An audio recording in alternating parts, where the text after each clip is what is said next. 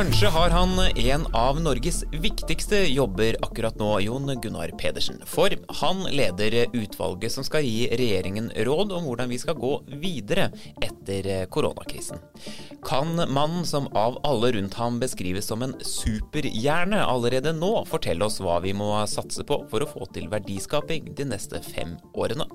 Jon Gunnar Pedersen er gjest i Inopodden i dag.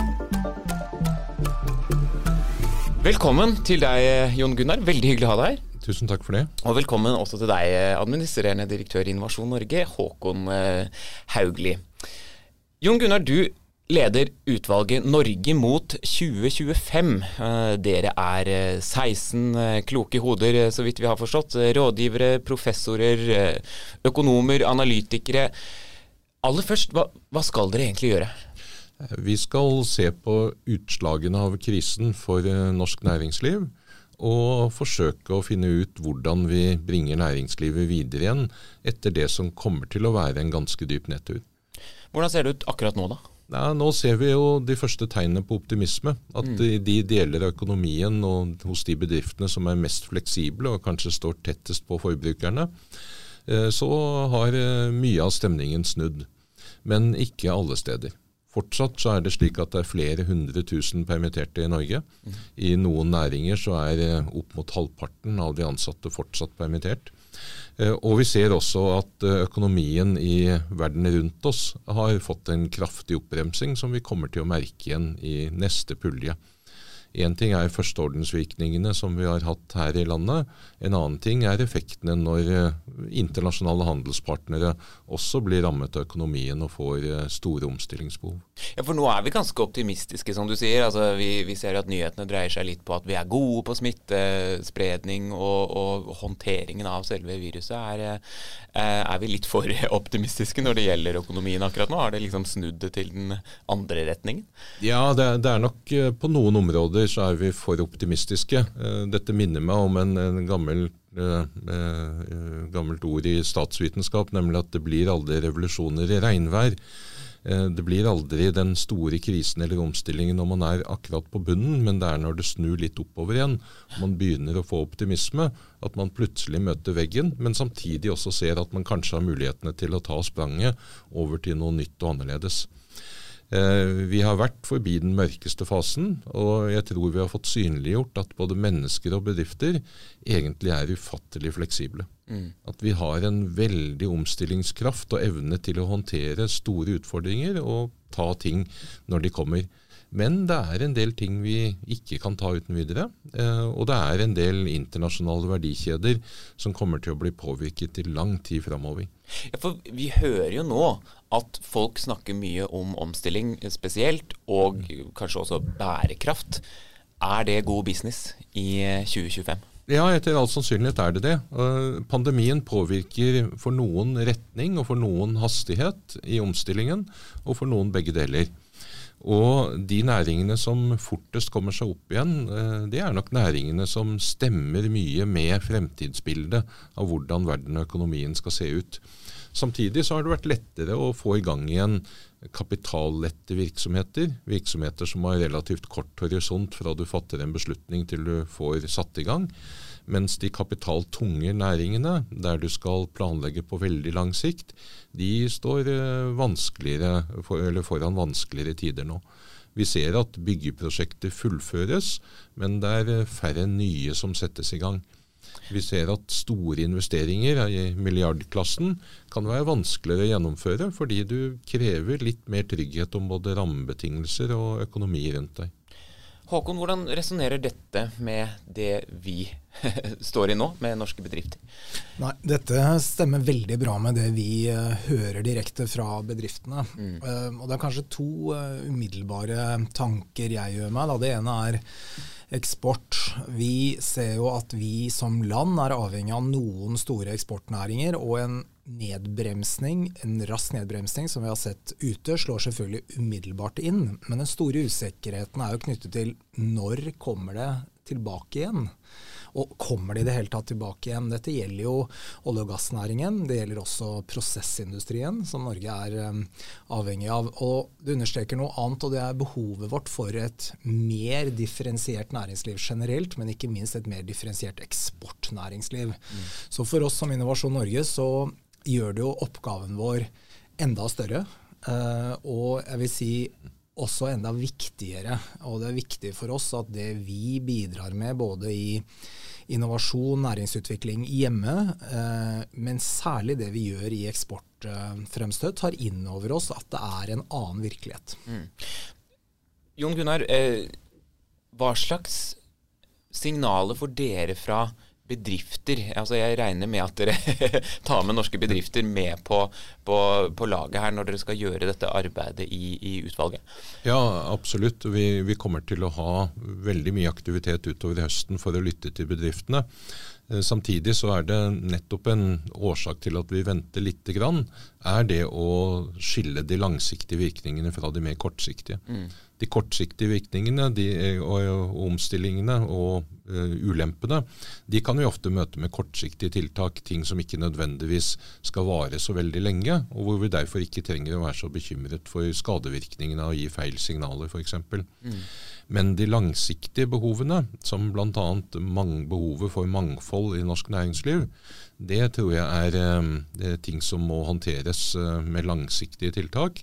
Og da kan effekten av at vi gjør noe feil, også være mye større. Så vi kommer til å bruke mye tid fremover til å lytte til bedrifter og lytte til eh, ansattes organisasjoner, for å høre hva de mener og hva de opplever er virkeligheten i det daglige. Hvor bombastiske kommer det til å være når dere skal gi råd til politikerne da, eh, etter dette utvalgsarbeidet? Ja, har vi, Det har vi allerede rukket å diskutere en del. Ja. og vi, vi, kommer nok til å være forskjellig bombastiske avhengig av hvor sikre data vi har. Eh, noe av det spesielle i en krise er jo at det er en krise som ofte utløser en del omstilling som vi gjerne skulle hatt, men det gjør det på en veldig ubehagelig, brå og brutal måte. Hva betyr det, det, egentlig? Nei, Det betyr at folk mister jobben eh, fordi de og ikke har en annen jobb å gå til. Mens hadde vi kunnet ta omstillingen over noe tid, så hadde vi rukket å få i gang etterspørsel etter nye jobber, mm. samtidig som vi fikk frafall av andre jobber. Gjennom hele 1980-tallet så var det en stor industriell omstilling i hele den vestlige verden. Vi flyttet mye industriproduksjon til andre land. Vi i Norge hadde i den perioden langt færre problemer enn andre land, fordi vi hadde en næring, olje- og gassnæringen, som ble bygd opp fra ingenting til å bli vår største og viktigste enkeltnæring. Den kunne ta unna alt vi hadde av arbeidskraft, investeringskapital osv., og, så og gjøre det med større lønnsomhet enn noen andre bransjer. Så vi hadde jo egentlig en fantastisk drahjelp i den omstillingen. Den drahjelpen har vi ikke nå. Nå må vi gjøre dette på egen hånd.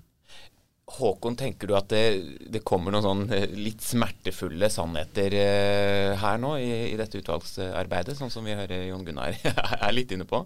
Jeg er jo veldig glad for at uh, regjeringen gjør dette, og at dette utvalget er jo godt sammensatt. Og, og jeg tror at jeg tror kanskje aller mest de vil si ting vi allerede vet, men det er jo av og til ganske vondt å høre det vi mm. også vet fra før. Og så håper jeg også det kommer noen eh, tydelige eh, signaler da, om hvor eh, man etter en bred prosess ser både muligheter og, og utfordringer i det lange bildet. Og jeg tror som jevnt over, altså jeg, jeg, mener jo vi har god grunn til å være optimister i Norge. Da. Olje- og gasshistorien er jo et eksempel på en enorm omstillingsevne norske samfunn har vist. Det er jo noen år siden vi var gjennom den prosessen, men vi er eh, det er jo sagt mange ganger at vi lever av eh, hverandres arbeidskraft, mm. hverandres hoder. Vi har en velutdannet befolkning, vi har en historie med omstilling. Vi har tillit mellom partene i arbeidslivet, vi har tillit mellom myndighetene og arbeidslivet, og egentlig oss som innbyggere også. og det kanskje de virkelig store eh, utfordringene våre som land, de ligger utenfor det man politisk kan styre i Norge. Mm. Det er nedbremsing i andre land, men også sånne ting som f.eks. proteksjonisme. Altså det å ikke ville importere. Mm. Det vil være en grunnleggende trussel mot norsk velferd, fordi vi er så eksportavhengige. Og Hvordan man adresserer det i en politisk kontekst, det vil bli krevende for oss. Og det jeg tenker jeg er spennende at utvalget utvalget ser på det. Burde vi hatt et sånt utvalg egentlig, ikke bare når det er krisetid, men ja, alltid? Vi har jo, altså, jeg tenker altså, Dette er en av flere mekanismer. Da. Det er ja. viktig også å huske på. Vi har jo både politiske myndigheter og, og eh, aktører som Statistisk sentralbyrå og andre som følger med. Men det at man får noe utenfor det, som med en armlengdes avstand kan se på, på ting, være bredt sammensatt, uh, kanskje tørre å kaste noen brikker opp i lufta da, og så se litt hvor lander de, det jeg tenker jeg er en spennende ting ved et, et, denne type utvalg. Mm. Uh, og vi er jo veldig, Innovasjon Norge veldig på en måte mottakersiden av dette. Vi vil jo følge veldig nøye med, og selvfølgelig gjerne bidra inn hvis det er noe vi kan bidra med.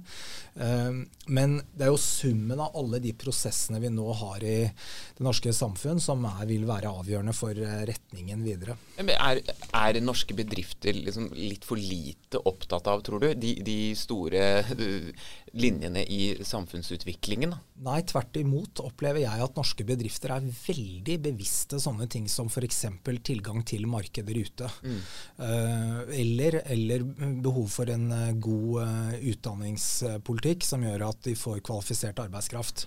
Så jeg tror både norske bedriftsledere og norske arbeidstakerorganisasjoner utmerker seg egentlig i internasjonal sammenheng ved å være veldig opptatt av det store bildet. Og dette er også noe av det kraften i det norske samfunn, slik jeg opplever det, er jo denne evnen vår til å litt enkelt sagt snakke sammen. Er du enig i det, Jon Gunnar? Ja, veldig. Ja. Jeg, jeg, tror det er, det er, en veldig viktig understreking at vi er ganske fleksible og omstillingsdyktige her i landet allerede. Mm. Vi er blant de landene som omstiller oss mest i det eksisterende næringslivet. Vi har kanskje ikke den samme tilveksten av nye bedrifter og helt nye næringer, men vi har en kraftig omstilling i de bedriftene som allerede finnes. Og hele dette robuste systemet det er jo en enorm fordel. Så Vi har kommet til en hump i veien. Det er en ganske dyp hump, men det er ikke en vollgrav. Og Vanskeligheten med å kjøre inn i fremtiden det er jo at du vet ikke helt hvordan den ser ut. Eh, og Min lærdom fra jeg vokste opp i Hedmark det er at hvis du skal på et sted hvor det ikke er noen gode kart, så er ikke det viktigste at du prøver å lage et kart, men at du har et robust kjøretøy når du skal inn der. Mm. Og For meg så er det norske samfunnet et sånt robust kjøretøy som bygger nettopp, som eh, Håkon sa, på eh, tillit, på evnen til samtale, på evnen til omstilling, og på det at dette omfatter alle. Vi hører på både de som jobber i bedriften og de som eier den. Hvilke næringer da ser dere på som liksom mulige veier uh, ut av krisen? Hva skal vi satse på? Har dere noen tanker om det? Allerede? Ja, vi, vi, plukker, vi, kommer nok ikke til å plukke ut enkeltnæringer. Men det, er, det, er også viktig at vår oppgave er særlig å se på de som er blitt hardest rammet av pandemien. Mm. Det er en del næringer som ikke blir så tungt rammet av pandemien, og som allerede vokser, og som kommer til å fortsette å vokse. Eh, vår første oppgave det er å se på de næringene som har blitt urimelig rammet av pandemien, som har vært spesielt uheldige. Hva kan vi gjøre for å ruste dem opp igjen? Hvilke er de? Ja, Et gammelt ord sa at vi kan ikke leve av å klippe håret på hverandre. Men uh, pandemien har synliggjort at det er ganske viktig at vi har noen som klipper håret på hverandre. Mm. Og det er mange tjenesteytende næringer som også er viktige næringer fremover. Som har vokst mye, og som vi ønsker å ha flere av fordi de er viktige for oss som bor her. Det kan finnes sånne eh, næringer i tilknyttede sektorer til servicebransjen. Det kan finnes eh, oppgaver i helsestell. Og i helsestell f.eks. så kombinerer du ofte både teknologi og serviceinnhold og et mangfold av ulike løsninger og oppgaver. Og Det er en uh, sektor hvor uh, det har vist seg at vi har betydelig innovasjonskraft i det medisinske miljøet i Norge f.eks. Men vi er allerede produsenter av viktige ting. Vi kan finne ting og montere ting på store havdyp bedre enn kanskje noen andre land i verden. Vi kan uh, utvikle uh, oppdrett av nye arter innen fisk, og vi kan ut, uh, utvikle bedre oppdrett kanskje andre steder enn der vi har oppdretten i dag. Jeg tror veldig mye av den innovasjonen vi har, den bygger på å mangfoldiggjøre kompetanse og kunnskaper som allerede fins i Norge, men å sette det i nye sammenhenger og bruke det til å skaffe oss noe flere ben å, ben å stå på. Hvor viktig er det i det arbeidet at Innovasjon Norge finnes, uten at vi skal gå for politisk inn på det. Men altså det, det å ha et eh, støtteapparat for eh, bedriftene, ja, er det viktig? Ja visst er det det. Eh, det. Det vanskelige for bedriftene det er jo ofte å vite hvem man forholder seg til. Ja. Og jeg tror Innovasjon Norge har fått styrket sin posisjon også gjennom dette, som koordinator av veldig mange ting. Og jeg synes det synliggjør allerede at det å ha færrest mulig kontaktpunkter, det å ha noen som har god oversikt over de ordningene som finnes, det er en viktig del av, uh, av også omstillingen. Når vi snakker om omstilling etter pandemien, så er det ikke bare næringslivet som skal omstilles. Det er også offentlig sektor, og ikke minst uh, hvordan vi organiserer samspillet mellom offentlig sektor og næringslivet. Kan Norge da se helt annerledes ut? I 2025. Det er jo ikke så lenge til. Nei, vi kommer ikke til å se helt annerledes ut. Og vi kommer De aller fleste av oss kommer til å drive med de samme tingene som vi har holdt på med tidligere. Men vi kommer til å gjøre det litt på andre måter. Nå sitter vi i et uh, studio som ikke fantes for noen måneder siden. Det er jo vokst opp mange sånne rundt omkring. Vi pendler litt annerledes enn vi gjorde tidligere. Vi har andre måter å kommunisere på.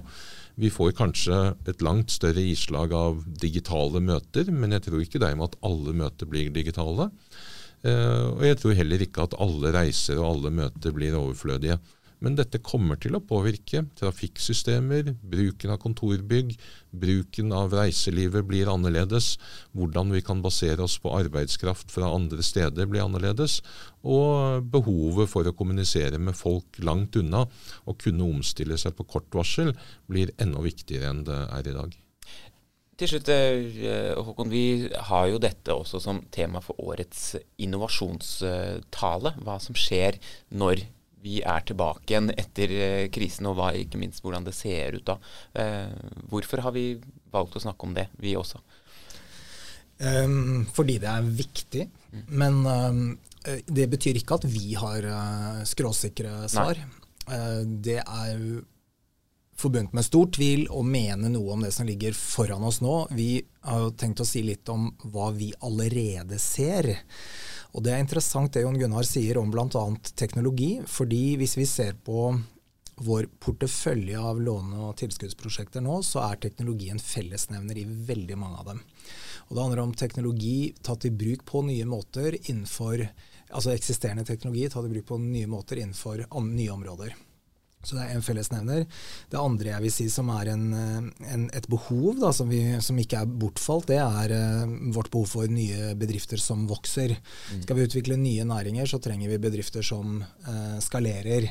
Dette brukte vi innovasjonstallen i fjor til å snakke om det. Norge har lykkes veldig godt med entreprenørskap, men dårligere på å få frem uh, bedrifter som vokser. Og det behovet er jo ikke borte, selv om vi nå står i en krise. og det vil vi jo bruke innovasjonstallen til å si litt om hva vi tror da eh, skal til for å lykkes med det. Og så inviterer vi og bruker vi også innovasjonstallene litt annerledes enn tidligere. Vi henter inn mange stemmer, bl.a. Jon Gunnar og andre, til å prøve å belyse noen av disse store problemstillingene fra litt ulike, ulike vinkler. Så, så det, Grunnen til at vi snakker om det, bare for å forsøke å svare på spørsmålet ditt, det er at det er vår rolle å gi innovasjonspolitiske råd til myndighetene. Hva tror vi virker best av det vi gjør og det andre gjør? og uh, I den situasjonen vi er nå, så er jo vi innstilt på å selvfølgelig levere godt på det oppdraget vi har fått, uh, men samtidig påta oss den rollen da, som bl.a. virkemiddelgjennomgangen peker på, at noen må veilede bedriftene inn i de ulike ulike støtteordningene og være en førstelinje for virkemiddelapparatet. Og mm. Der er jo vi eh, i godt, godt, driv. Og så må vi forenkle møtet mellom bedriften og, og virkemiddelapparatet. Og den utfordringen er heller ikke blitt mindre. Tvert imot. Til slutt, Jon Gunnar. Eh, hva skal komme ut helt konkret av utvalgsarbeidet? Skal det bli omsatt til eh, politikk? Er det råd? Er det veiledning? Hva, hva tenker du i, i 2025? Om det blir omsatt til politikk, det kommer det til å være andre som eh, avgjør etterpå. Ja. Og diskusjonen som følger av det vi kommer med. Men vi kommer med noen innspill allerede til nasjonalbudsjettet i høst. Så kommer vi til å legge frem en del ting til diskusjon i, i møte med bedrifter og næringsliv og ansatte organisasjoner. Samt andre interesserte i løpet av høsten. Og så vil vi avgi en innstilling med tilråding om konkrete tiltak en gang i løpet av første kvartal neste år. Hva av det som blir iverksatt, det vet vi jo ikke. Nei, Det er aldri godt å si, eh, egentlig. Så uansett, veldig spennende å høre om dette arbeidet. Tusen takk for at du eh, kom til oss. Ja, lykke til videre. Vi i Innopoden er tilbake neste uke. Da får vi besøk av eh, Christian Ringnes og vår egen reiselivsdirektør Bente Holm. Så håper vi høres igjen da. Mitt navn er Arne Vatnøy.